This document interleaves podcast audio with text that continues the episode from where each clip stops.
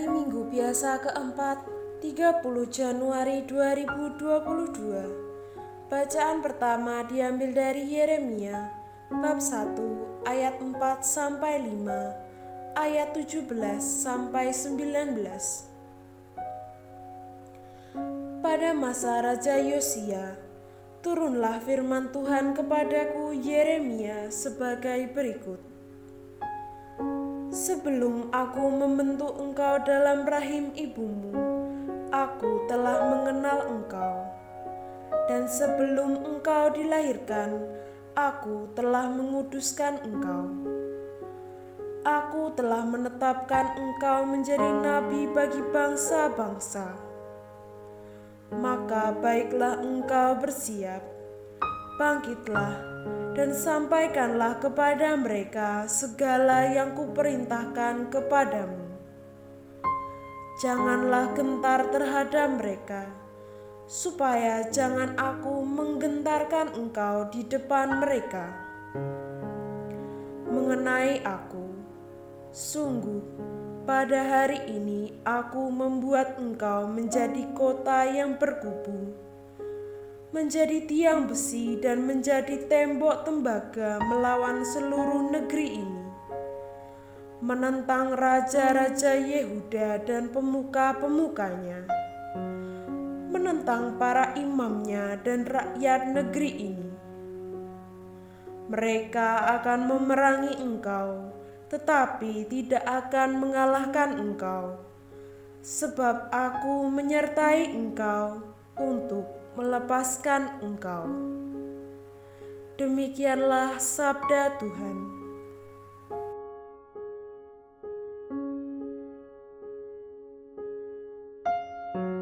Bacaan kedua diambil dari surat pertama Rasul Paulus kepada jemaat di Korintus, bab 12 ayat 31, bab 13 ayat 13.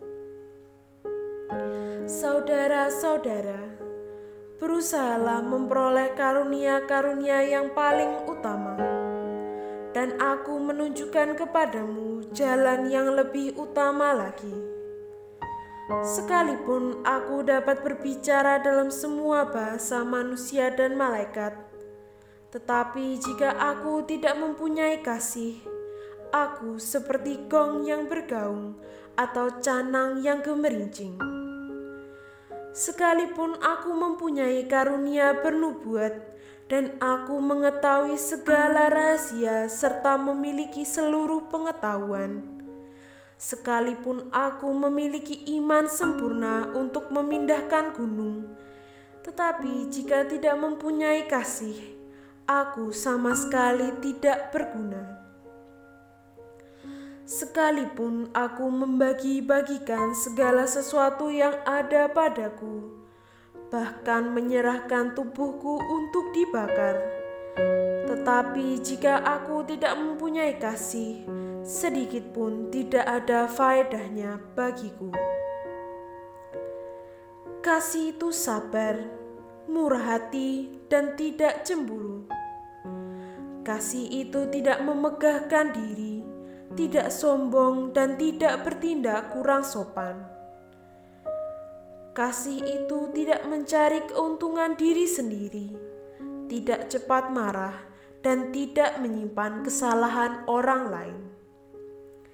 Kasih tidak bersuka cita atas kelaliman, tetapi atas kebenaran. Kasih menutupi segala sesuatu, percaya akan segala sesuatu mengharapkan segala sesuatu, sabar menanggung segala sesuatu. Kasih tidak berkesudahan, nubuat akan berakhir, bahasa roh akan berhenti, dan pengetahuan akan lenyap. Sebab pengetahuan kita tidak lengkap dan nubuat kita tidak sempurna. Tetapi jika yang sempurna tiba, hilanglah yang tidak sempurna itu. Ketika masih kanak-kanak, aku berbicara seperti kanak-kanak, merasa seperti kanak-kanak, dan berpikir seperti kanak-kanak pula. Tetapi sekarang, setelah menjadi dewasa, aku meninggalkan sifat kanak-kanak itu. Sekarang kita melihat gambaran samar-samar seperti dalam cermin, tetapi nanti dari muka ke muka. Sekarang aku mengenal secara tidak sempurna tetapi nanti aku akan mengenal dengan sempurna sebagaimana aku sendiri dikenal. Demikianlah tinggal ketiga hal ini: iman, harapan, dan kasih. Dan yang paling besar di antaranya ialah kasih. Demikianlah sabda Tuhan.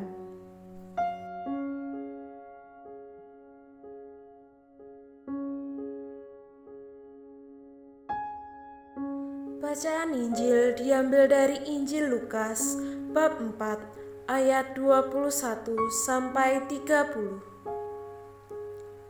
Sekali peristiwa Yesus mengajar orang banyak di rumah ibadat di kota asalnya. Katanya, "Pada hari ini genaplah nas kitab suci pada waktu kamu mendengarnya." Mereka heran akan kata-kata yang indah yang diucapkannya. Lalu mereka berkata, "Bukankah dia ini anak Yusuf?" Maka berkatalah Yesus kepada mereka,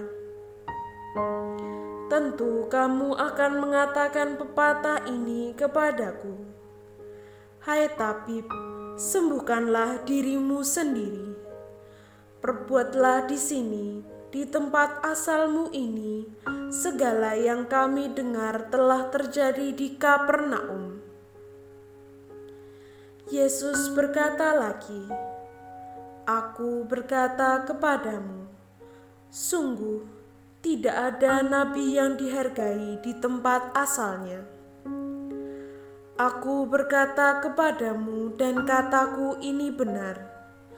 Pada zaman Elia, terdapat banyak wanita janda di Israel.